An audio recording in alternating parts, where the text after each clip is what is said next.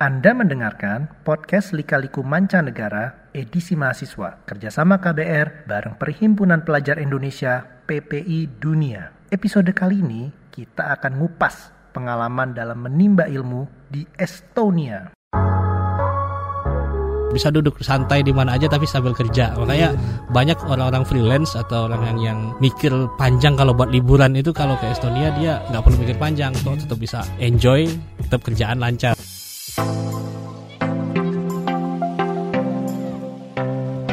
Halo, kita berjumpa lagi dengan saya Bimo Bramantio dalam episode podcast Lika-Liku Mancanegara. Kali ini kita akan diajak berbincang-bincang tentang sebuah negara yang lokasinya jauh di utara sana, yaitu Estonia. Sudah hadir bersama saya Mas Unggul Sagena. Beliau adalah pendiri PPI Estonia tahun 2013 merangkap sebagai ketua pertama. Beliau juga kuliah S2 di Tallinn University of Technology, jurusan Technology Governance dari 2012 dan 2014. Aktivitas saat ini beliau adalah staf analisa kebijakan ekonomi kawasan pedesaan di Kemendes dan beliau juga pengajar di Vokasi UI bidang administrasi perpajakan. Halo Mas Unggul. Halo Terima kasih banyak atas waktunya. Iya. Kita sharing-sharing di sini Mas ya. Iya. Yang pertama Mas, ceritain why Estonia. Iya, awalnya cukup panjang.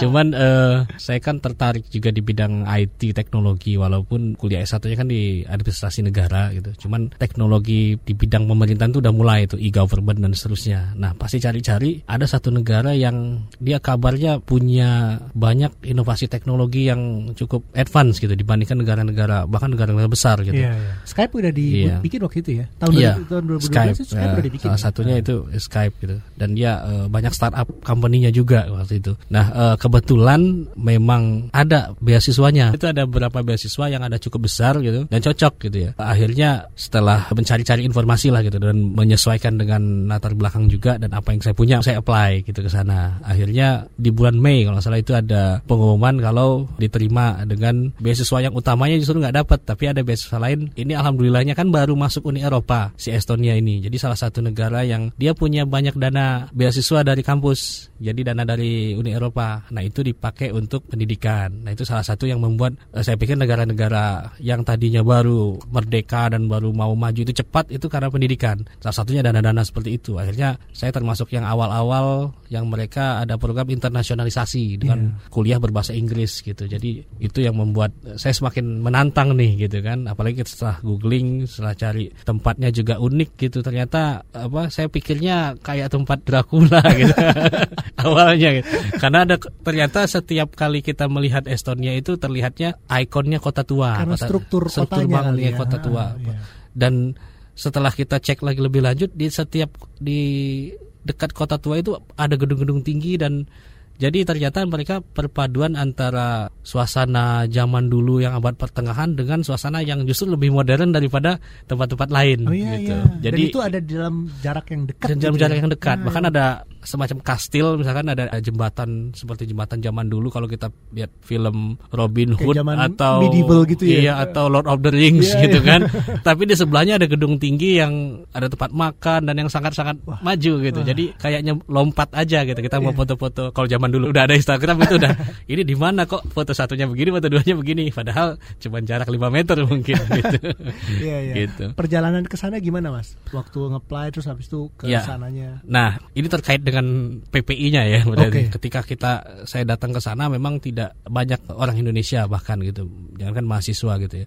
Kenapa? Karena satu memang negara ini negara yang cukup tidak terkenal gitu kan, dan negara kecil, tapi karena saya cari-cari bidang IT selalu ketemu negara ini gitu kan. Jadi saya tertarik waktu itu. Jadi ketika ke sana nggak ada apa ya jemputan ataupun Mhm. kita bingung gitu ketika datang ke sana dan Dan gak ada kontak juga. nggak ada kontak eh, memang sempat kontak-kontakan lewat email zaman itu dengan Mhm. mahasiswa yang ada di sana sama orang Indonesia yang ada di sana gitu kontak-kontaknya lewat email dan kita tahu kalau email kan tidak Nggak- aktif ya lah iya, nggak kayak WhatsApp nggak kayak sekarang WhatsApp gitu zaman ya. sekarang kalau dulu email bisa besoknya atau dua hari Betul sekali.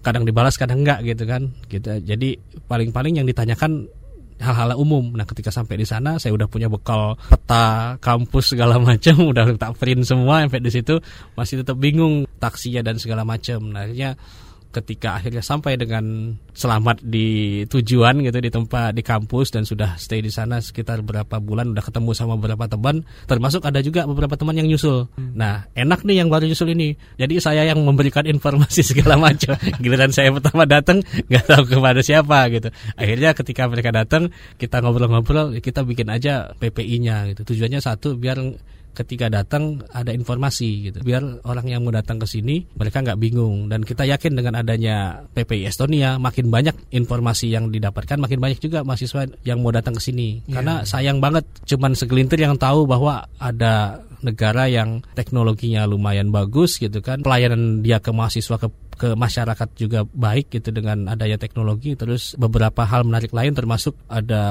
internet ya yang sangat canggih yang sangat cepat kencang gitu kan. Dan hmm juga suasana udara nomor satu kalau nggak salah dari WHO itu ketika yeah. kita googling kita bahkan baru tahu nih ternyata selain dari teknologi dan seterusnya tadi suasana juga di sana itu saya kan punya pilek-pilek ya pagi-pagi suka bersin pilek gitu. Saya pikir karena oh ini dingin banget nih di sana pasti bakalan banyak pilek nih. Ternyata sampai sana justru sembuh ya, gitu. karena kualitas udara ya? kualitas udara gitu kualitas udara. Dan kita banyak jalan dan dia tiap berapa meter itu taman-taman danau itu banyak sekali hmm. gitu. Hutan itu banyak sekali. Transportasi publik. cukup cukup ini ya mas? Cukup hmm. banyak ya? Iya nah kita hmm. pengen banyak nih yang datang. Akhirnya kan setelah tahun berikut berikutnya sudah mulai establish kan terus kita juga ikut aktif di PPI dunia dan banyak juga teman-teman yang mungkin dari S1-nya baik dari dalam negeri yang diundang ke simposium dan seterusnya dan dari S2 tempat lain juga banyak yang tahu gitu. Selama ini lebih banyak mahasiswa exchange Erasmus. Oh, exchange Erasmus. Ya, ya banyak ya. ke sana atau ya. uh, dari kalau, Indonesia kan ya. Macam-macam. Macam-macam. Oh, macam-macam. Uh, macam-macam. Ya. Kalau sekarang bahkan sudah banyak jadi tempat tujuan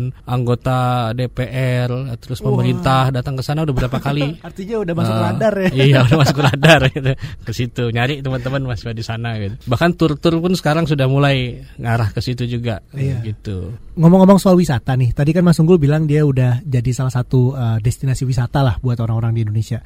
Itu kan uh, katanya di Estonia tuh ada yang namanya wisata nomadik ya itu konsepnya kayak gimana sih mas? Nah ya itu sekarang uh, makin uh, jadi istilah yang ini ya uh, ngehits gitu ya. Ngehits ya, iya, iya, okay. Soalnya gini nom, dari kata nom, nomad ya, jadi kan bisa berpindah-pindah. Artinya nomaden gitu jadi nomaden. Gitu nah ya. ketika kita berada di tiap tempat kan biasanya tetap kita butuh akses buat buka HP, buka kerjaan di laptop dan segala macam dari di sedangkan kita pengen ke suasana-suasana yang tenang, yang masa lampau, yang segala macam berbudaya. Tapi kita tetap butuh yang namanya internet, namanya teknologi dari Estonia. Kedua itu dipadukan, gitu. Hmm. Jadi dia orang-orang bisa menikmati suasana abad pertengahan dengan apa batu-batu yang ini terus kastil, namanya kastil, gitu ya, kastil. Ya. Tapi dia tetap bisa connect ke dunia yang modern. Dia, nah, okay. Bisa lah, bisa duduk santai di mana aja tapi sambil kerja. Makanya yeah. banyak orang-orang freelance atau orang yang yang mikir panjang panjang kalau buat liburan itu kalau ke Estonia dia nggak perlu mikir panjang yeah. tetap bisa enjoy tetap kerjaan lancar okay, gitu. Oke, wisata gitu. nomadik yang menarik ya. iya. ya. Jadi buat uh, freelance, orang-orang yang masih ingin terkoneksi mm -hmm. ke internet, mm -hmm. dunia maya, mm -hmm. ya internetnya terkenal ya akan kecepatannya. Jadi uh, satu yang mendasari di sana soal internet uh, in, akses internet itu adalah uh, bagian dari hak asasi manusia di, situ, di Estonia. Di Estonia ya. Jadi wow. hanya sedikit sedikit banget ya negara bisa dihitung jari yang yang seperti wow. artinya kebayangkan kalau misalkan ada internet agak lambat dikit itu orang bisa turun ke jalan demo gitu. Jadi di sana seperti itu. Nah, ada satu lagi yang menarik di sana itu Cyber Army Volunteers. Jadi itu Estonia punya tentara sukarela untuk perang cyber itu yang pertama di dunia. Hal yang mungkin tidak bisa dilakukan bahkan sekelas Amerika pun gitu. Kenapa? Karena sipil gitu yang pada saat dibutuhkan negara dia ganti baju untuk melakukan tindakan nasionalisme gitu dalam hal uh, uh, apa namanya hacking gitu kan itu keamanan karena kondisi di sana uh, sebagai salah satu di sana juga ada cyber defense-nya NATO dan berbatasan langsung dengan Rusia itu di sebelah kanan dan Rusia juga banyak hacker yang jago-jago mungkin kita semua tahu kan dan di sini juga di Estonia ada juga program seperti itu. Jadi pada dasarnya semua orang Estonia itu juga bisa jadi cyber army volunteer itu ya? Iya dia ada pendidikannya gitu dan ada apa unitnya gitu. Itu jadi digabung antara yang uh, tentara dan yang sipil gitu tapi uh, kuliah atau berpendidikan cyber salah satunya kan cyber security ada di Estonia gitu di kampus Tallinn Technological University juga ada cyber security gitu. Itu salah satunya. Tapi kalau dari Mas Unggul sendiri nih pengalaman unik-unik Mas Unggul di Estonia itu uh, ada nggak sih Mas? Banyak ya sebenarnya. yang memalukan dan juga banyak. Cuman uh, contohnya apa ya? Pertama yang kerasa itu kelihatan itu ada gap antara banyak orang tua sama banyak anak muda. Nah, hmm. Orang tua ini kan dia nggak bisa bahasa Inggris, tapi anak-anak muda semuanya itu bisa bahasa Inggris oh, dan itu ada kayak generation gap gitu ya, berarti betul. Ya? Mungkin uh, ada pertumbuhan ekonominya juga yang tinggi, mungkin generasi-generasi yang pekerja dan hmm. mahasiswa itu dia punya uh, kehidupan yang lebih baik daripada yang tua-tua ini kan mungkin sisa zaman-zaman dulu Rusia dan situ ya. Iya, iya, iya. Mereka juga kadang kadang bahkan nggak bisa bahasa Estonia. Jadi di sana itu bahasanya bahasa Estonia, bahasa Esti yang mirip dengan bahasa Finland karena mereka kan sukunya katanya mengacu ke utara gitu. Yeah. Sedangkan ada sekitar 25% budaya Rusia dan orang-orang Rusia yang zaman dulu. Iya, gitu. karena itu dulu bagian karena dari bagian Rusia dari Uni kan ya? Soviet. Iya. Ya, jadi banyak uh, orang tua. Kalau dari sisi kriminalitas sih di sana rendah banget ya. Bahkan saya pernah pengalaman waktu habis dari olahraga itu di sebuah tempat uh, gym itu ketinggalan HP gitu. Dan karena agak jauh e, dan kita kan mahasiswa nggak ada kendaraan jadi mau pakai bis besok aja lah gitu kan. Ada kuliah juga sore. Pas besoknya saya ke sana deg-degan juga sebenarnya. Ini gimana ya nasibnya? Ternyata HP tersebut masih ada di situ gitu. Dan uniknya lagi yang jaga apa orang yang petugas itu pun nggak bisa bahasa Inggris nggak ini dia nggak ngerti juga mungkin apa yang kita omongin cuman dia paham kita lagi kebingungan pasti ini yang hilang mungkin ya kemarin gitu. Langsung dikasih tunjuk itu HP-nya di sana gitu. Dia nunjuk aja gitu. Uh, kita makasih apa dia cuman menunjukkan kalau oh iya sama-sama memang sudah biasa kok apa di sini apa nggak nggak suka utak atik maksudnya nggak barang yang saya rasakan sih kalau soal barang ya itu mereka kalau punya orang lain tuh nggak pengen punya gitu. Kalau punya masing-masing gitu kayak gitu. Jadi HP pun tinggal nggak diapa-apain gitu. Ah paling orang besok balik lagi gitu. Karena ngapain gitu gitu. Jadi nggak ada ide untuk itu tuh nggak ada. Kalau saya mau dijual lagi tuh nggak ada. Butuh Apa? berapa lama masuk gul waktu itu menyesuaikan diri?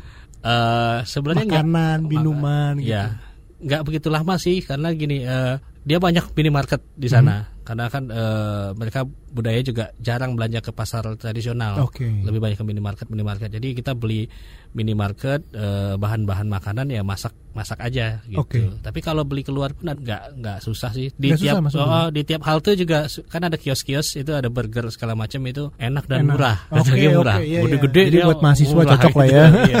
enak dan murah menurut saya sih karena apa ya apalagi, apalagi kita orang Indonesia itu gampang ya menyesuaikan dari sisi okay. makanan dari sisi cuaca itu nggak terlalu sulit gitu. Paling kita uh, persiapan membeli barang baju-baju dan segala macam oh, gitu. Iya. Kalau di sana juga kita kalau ngumpulin botol itu kita bisa salah satu mendapatkan uang untuk belanja. Dari ngumpulin botol. Dari ngumpulin botol okay. gitu. Karena kalau di tempat lain mungkin dalam bentuk uang, tapi kalau di Estonia dia jadi semacam struk nanti ketika kita masukkan ke tempat khusus di satu minimarket, nah struknya untuk belanja di minimarket itu ada nilai value-nya. Jadi semacam kita recycle gitu mas ya? Iya, recycle. Hmm. Nanti kita masukkan uh, harganya kan lain-lain sih botol-botolnya ada yang besar kecil terus uh, ada yang apa plastik, ada yang ya. apa? Menarik ya. Jadi ada kayak vending mesinnya gitu apa bagaimana? Ada jadi oh, masa masuk ya? masuk ke dalam. Cuman sebenarnya di dalam ada juga petugas semacam technical service-nya lah. Gitu. Iya iya. iya. Tapi kita dapat struk keluar setelah itu kita bisa belanjakan. Nah, itu salah satu uh, apa tips juga ya buat, iya, iya, buat iya. kita ya. Kalau iseng-iseng bisa dong ya ngumpulin botol terus itu keren ke minimarket.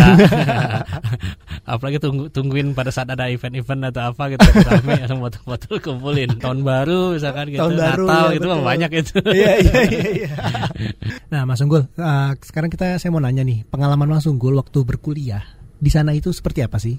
Kampusnya atau misalnya uh, cara belajarnya di sana? Uh, kalau menurut saya sih enak ya agak, agak beda dengan kita. Kan kalau kita kalau saya kan S1-nya di sini di Indonesia gitu. Pas S2 di sana ada agak berbeda. Dan S1-nya pun sama sebenarnya bachelornya. Uh, beda jauh dengan kita. Dalam hal gini uh, kita kelasnya itu kalau di sini kan dalam satu semester bisa tujuh apa tujuh mata kuliah yang tiap pekan itu cuma sekali Nah kalau itu mereka lebih cenderung satu mata kuliah itu dihabiskan baru ke mata kuliah berikutnya hmm, karena hitungannya ya? tetap sama satu semester jadi pun kalau ada uas atau ujian yang ini di belakang pun bisa dengan cara itu mereka bisa mengambil dosen yang cukup senior dan mungkin ahli gitu. Kemarin saya sempat berapa kali dapat uh, ahli uh, apa uh, kebijakan publik gitu dari universitas mana atau dari uh, PBB juga pernah uh, waktu saya sudah mau lulus pun ada kabar lagi katanya Kofi, Kofi Anan kalau nggak salah hmm, itu sempat bisa ya? mau diundang juga gitu. Hmm. Jadi mereka bisa mengundang tokoh-tokoh tersebut karena di blok waktunya. Okay. Jadi dalam satu misalkan 8 pertemuan, 8 pertemuan uh, 1 2 3 sampai 8 dia yang ngajar itu selesai. Habis itu mata kuliah berikutnya. Ya. Jadi dia nggak harus tiap pekan datang ke Estonia gitu kan. Ya, kalau bukan ya. hmm. itu. Jadi salah satu kuncinya di sana. Karena ketika mereka merdeka gitu kan e, dari Soviet waktu itu langsung mereka menyekolahkan dan menarik lagi uh, sumber daya manusianya. Dan kan banyak anak muda. Saya bilang tadi ada yang tua-tua banget, terus mudanya banyak nih. Anak-anak muda ini rata-rata lulusan Jerman, UK gitu, banyak. Oh, gitu. di, dipanggil balik. Dipanggil balik ya, gitu. Ya. Jadi umurnya 35-an, 40-an hmm. gitu dan mereka juga membawa nuansa-nuansa itu gitu. Jadi kita juga enak ngikutinnya gitu. Jadi nggak banyak mumet di kelas gitu. Yeah, tapi yeah, iya. dapat yeah. ilmu itu. Nah, jadi pada saat itu emang di awal-awal internasionalisasi pendidikan dia karena dia pengen ngejar pendidikan teknologi mereka udah kejar pendidikan mereka kejar ke barat karena kan sudah satu Uni Eropa. Kan waktu itu 2007 kalau sudah masuk Uni Eropa. Mm -hmm. mereka pengen standarnya kualitasnya sama. Jadi saya melihat kalau studi di sana itu tidak beda dengan di negara Eropa lain yang maju karena standarnya udah mereka samakan termasuk dosennya segala macam. Nah terakhir nih bisa nggak sih Mas Unggul kasih tips atau triks mungkin buat teman-teman yang mungkin tertarik untuk ke Estonia? Ya tipsnya kalau mau melanjutkan ke Estonia dan kenapa Estonia tadi udah saya jelaskan untuk kenapanya gitu ya. Hmm. Tapi tipsnya sekarang kan udah ada PPI di situ. Jadi kontak-kontak ya. dan kawan-kawan lah waktu itu. Dan kawan-kawan uh, ya, ya uh, kontak-kontak dulu. Kenapa? Karena uh, sebenarnya yang jadi masalah di sana bukan soal tempat tinggal. Karena di sana biasanya di sebelum kita berangkat tuh sudah dapat tuh gitu. Tapi nggak tahu nanti ke depannya kan seperti apa kalau makin banyak peminat gitu. Karena akan akan terjadi persaingan untuk tempat tinggal pun gitu. Tapi utamanya kontak dulu uh, eh, PPI-nya karena kita bisa memberikan informasi-informasi tentang perkuliahan yang penting gitu kan. Kayak tadi kan e, cara berkuliahnya mungkin agak berbeda gitu. Dan siapkan mental juga kalau menurut saya. Soalnya e, ini tempat yang nun jauh di sana dan ketiga apa berpikiran terbuka gitu. Itu penting kalau menurut saya. Karena kalau kita mau ke Estonia Estonia itu tempat yang mungkin dia kultur Skandinavia itu ya kultur uh, apa uh, kesetaraan keterbukaan gitu terus uh, tidak mau mengurusi orang lain orang pribadi ya. yang hmm. ini gitu loh karena itu sangat kalau hal-hal yang privat dia agak apa namanya reluctant ya, segan. dia menghargai privasi menghargai orang privasi ya. orang itu itu penting. Dan untuk teman-teman muslim di sana uh, ada masjid ya di dekat sama bandara ya itu. Di sana multikultural juga gitu. Bekal kita adalah berpikiran terbuka gitu. Kenapa? Hmm. karena mungkin tata cara kita uh, beribadah berbeda dengan di sana gitu. Walaupun pun sesama muslim maupun uh, dengan teman-teman yang beragama lain atau tidak beragama gitu. Suasana multicultural itu uh, membuat kita merasa nggak sendiri sebenarnya di situ. Yeah. Selain kita punya teman-teman orang Indonesia, kita punya teman-teman dari banyak negara-negara lain yang punya budaya berbeda tapi tapi ke sini nih ke sini kita ketemu lagi gitu dengan budaya baru yang kita menyesuaikan gitu jadi itu menurut saya berpikiran terbuka itu penting. Uh, Mas Unggul, terima kasih banyak atas waktunya. Ya, sama-sama. Terima kasih, senang sekali bisa berbincang dengan Mas Unggul. Uh, tahu lebih banyak sebenarnya tentang Estonia. Nah, ini adalah satu-satunya negara Skandinavia di episode podcast Lika-Liku Negara kali ini. Jadi terima kasih atas informasinya, Mas. Sama-sama. Baik, para pendengar, itu tadi sepintas cerita tentang Estonia. Selalu simak podcast-podcast kami lainnya di kbrprime.id. Saya Bimo Bramantio, mohon pamit.